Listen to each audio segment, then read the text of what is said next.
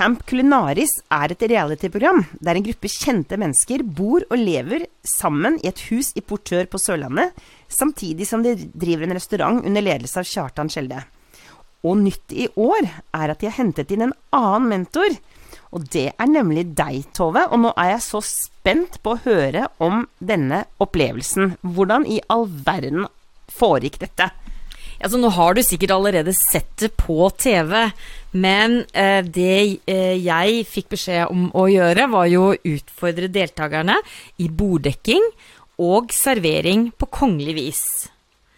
Og det jeg prøvde å lære dem, Marianne, var jo eh, dette med gallamiddag. Ja. For en gallamiddag er jo en spesielt fin og høytidelig middag, og ofte så pynter jo gjestene seg i de fineste klærne man har. Og det blir gjerne servert fire retter, og en rekke tradisjoner knytter seg til gallamiddagene på Det kongelige slott.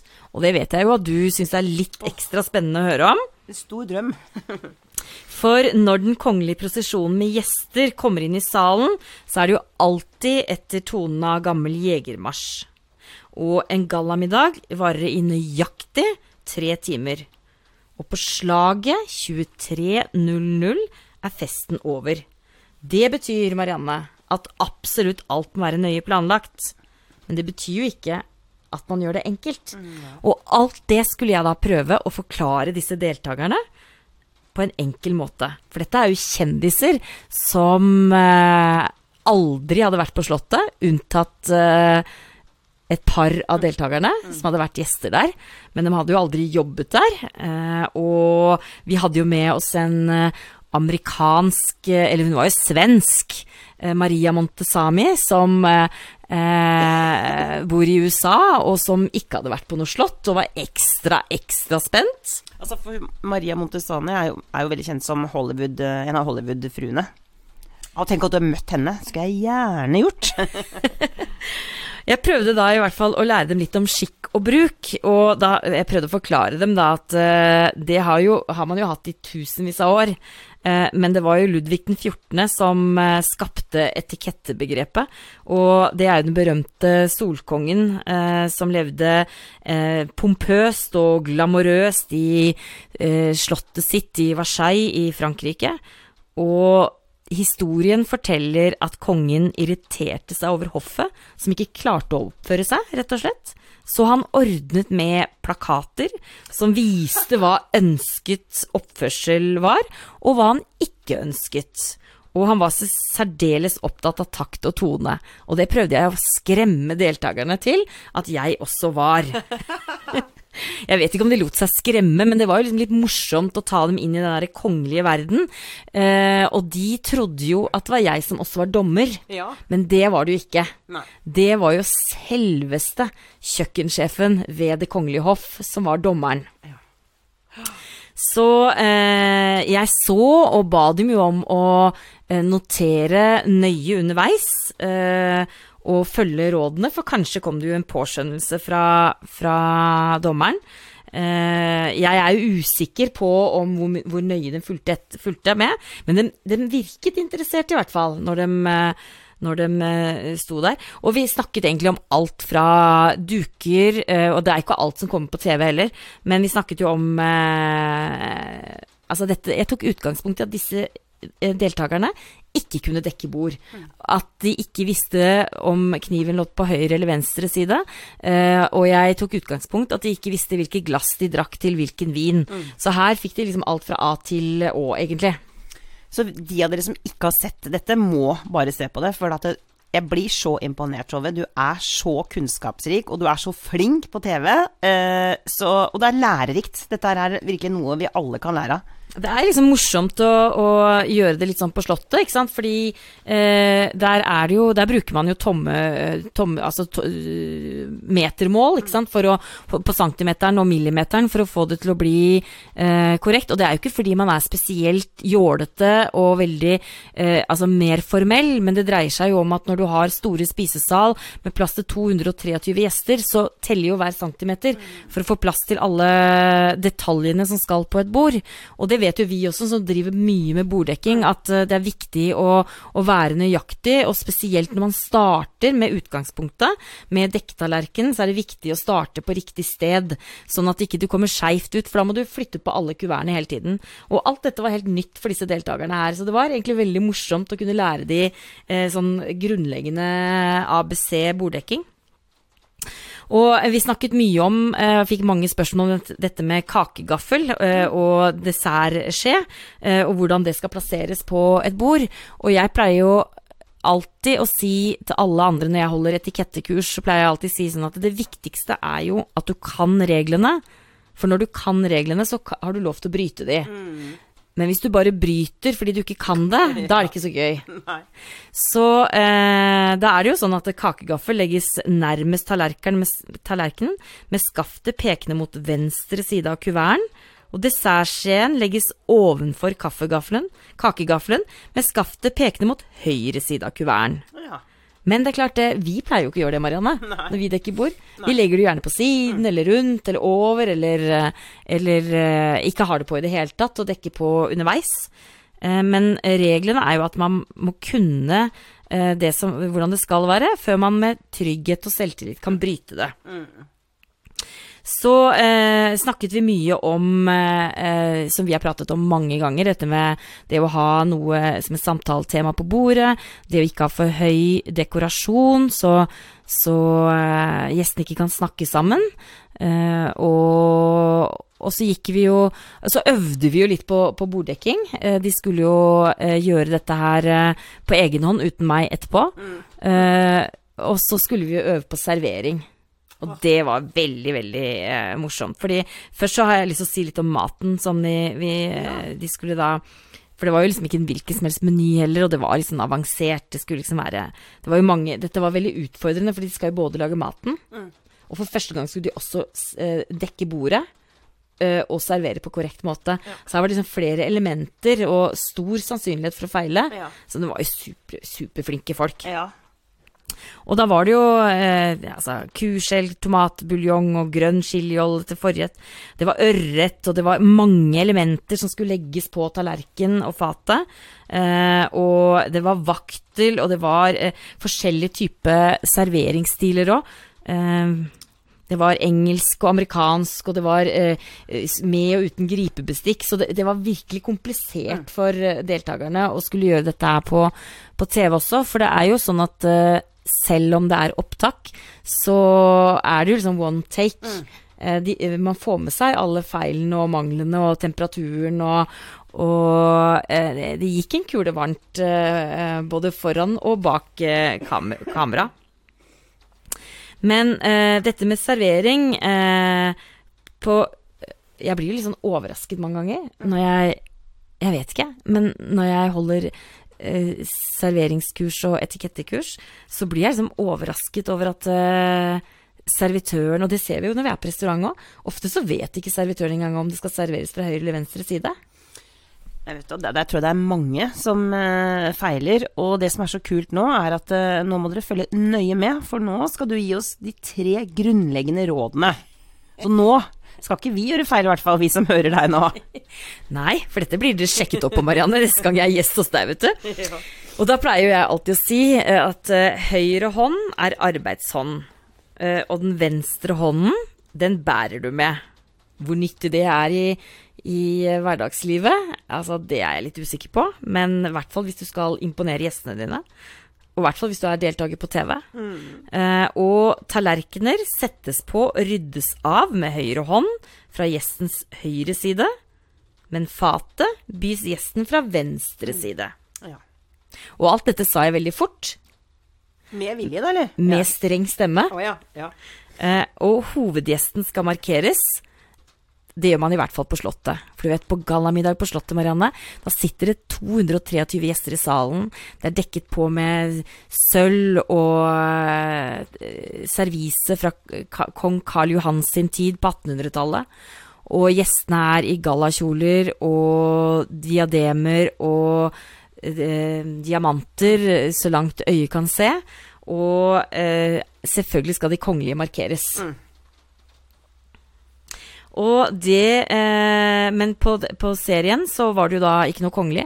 Det var jo da bare dommerne, og det var jo da nesten kongelig med kjøkkensjefen. Og da var litt av poenget at de skulle markere da dommerne, da.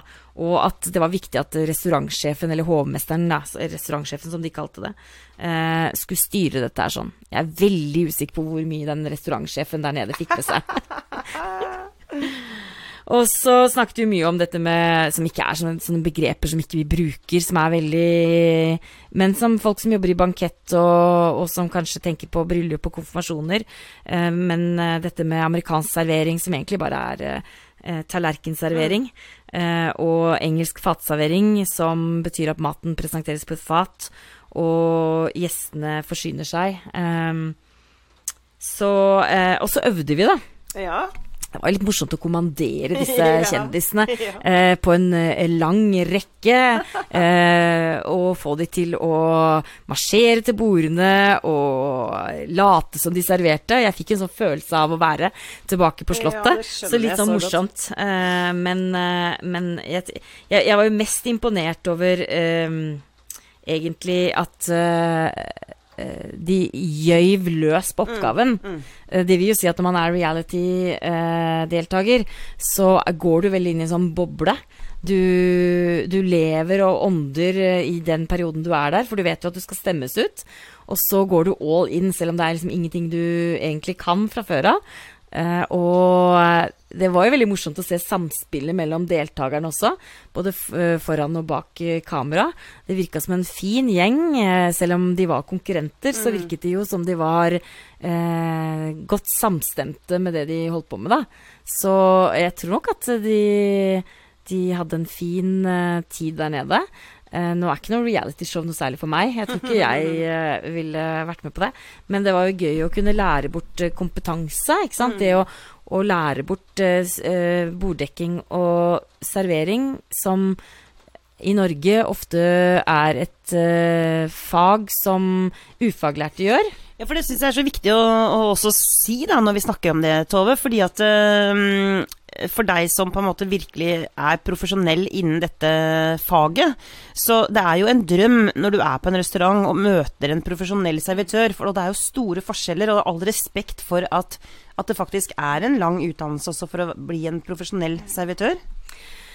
Ja, altså man kan jo lære seg veldig mange av teknikkene. Uh, men det dreier seg jo ofte også om at man må ha lyst til og vilje til å gi det der ekstra for gjestene. For for meg så er det Eh, et samspill mellom kjøkken og servitør er nesten som en sånn dans mm. gjennom salen.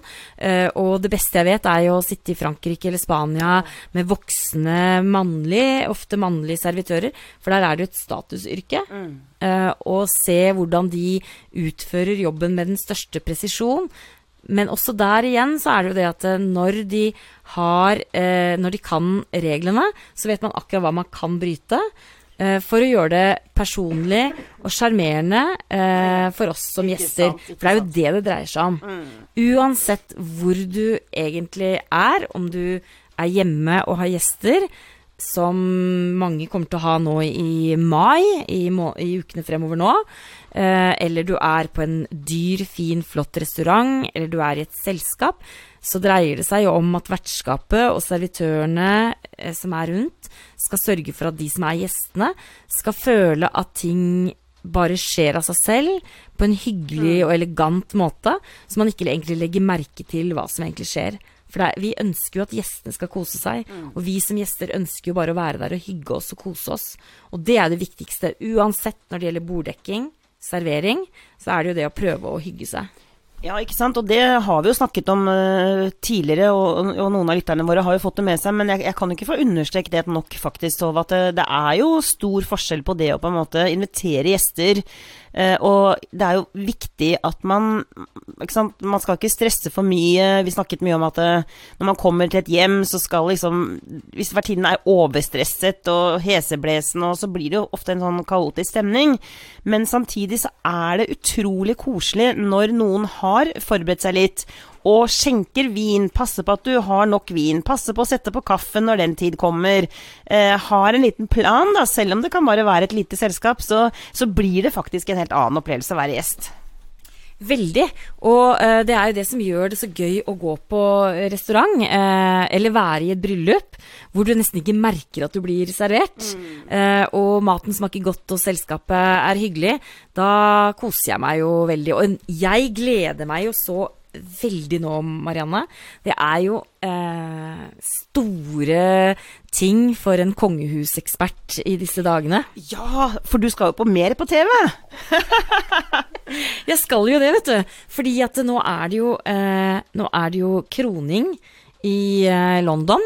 Og eh, det er jo ingenting som gleder meg mer, som er veldig opptatt av det britiske kongehuset. Så jeg skal faktisk være kongehusekspert Ja. på, hos Nettavisen Ja. i år. Eh, være sammen med direktesendingen som de skal ha på nettet. Eh, hvor vi skal ta lytterne gjennom eh, hele seremonien. Vi skal eh, snakke om historien, men også litt sladder. Om Helt sikkert om William og Kate og Meghan og Harry. Og kanskje litt om kjærlighetshistorien til Charles og Camilla. Og vi skal absolutt se på alle kjolene, smykkene. Eh, jeg håper jo at det blir diamanter herfra til evigheten som vi kan snakke om. Og jeg vet jo, Tove, at i dette landet vårt så kunne det ikke vært én bedre til å innta en sånn posisjon denne dagen. For det er ikke så mange nordmenn som har møtt både kong Charles og dronning Camilla, og det har nemlig du gjort. Det har jeg, og det skal jeg fortelle alt om på, under den direkte sendingen. Eh, og også om den eh, eh, fine, nære og varme kjærlighetshistorien som eh, er mellom Camilla og Charles. Og så kan vi jo bare si at eh, jeg var i et selskap med deg på lørdag, hvor eh, en venninne av deg var veldig nysgjerrig på, eh, på Camilla. Hvor du fortalte at hun er en eh, nydelig dame. Ja, jeg eh, har sikkert fortalt denne historien før, men jeg eh, grudde meg jo veldig til å møte henne, for jeg er jo en Diana-fan. Eh, og vokste jo opp med Camilla som eh, den store, stygge elskerinnen. Eh, men eh, jeg møtte et varmt, eh, hjertelig eh, og veldig personlig eh, menneske som eh, ser folk rundt seg og er oppmerksom på, på de hun møter. Og jeg må si at eh, etter å ha møtt eh, de to som par for, par, eh, for noen år siden, så må jeg si at hele min oppfattelse av det trekantdramaet mellom Charles, Camilla og Diana, der forandret jeg helt oppfattelsen. Du, dette var en spennende episode. Her hoppet vi fra Kamp Kulinaris og, men det er jo litt det samme ånd hele veien. Det var jo Kamp Kulinaris, eh, gallamiddag eh, Ja. på Slottet, eh, Ja. og definitivt er det jo gallamiddag eh, garantert eh, under kroningen. Og jeg syns det var veldig godt å snakke litt kongestoff igjen, Tove. For at det er det egentlig lenge siden vi har gjort. Så øh, vi, vi må nok øh, Vi må passe på å, øh, å ha litt kongestoff, for jeg elsker å høre om det, og det vet jeg at dere lytterne våre gjør også. Så da gjenstår det egentlig bare å ønske dere en eh, god kroning.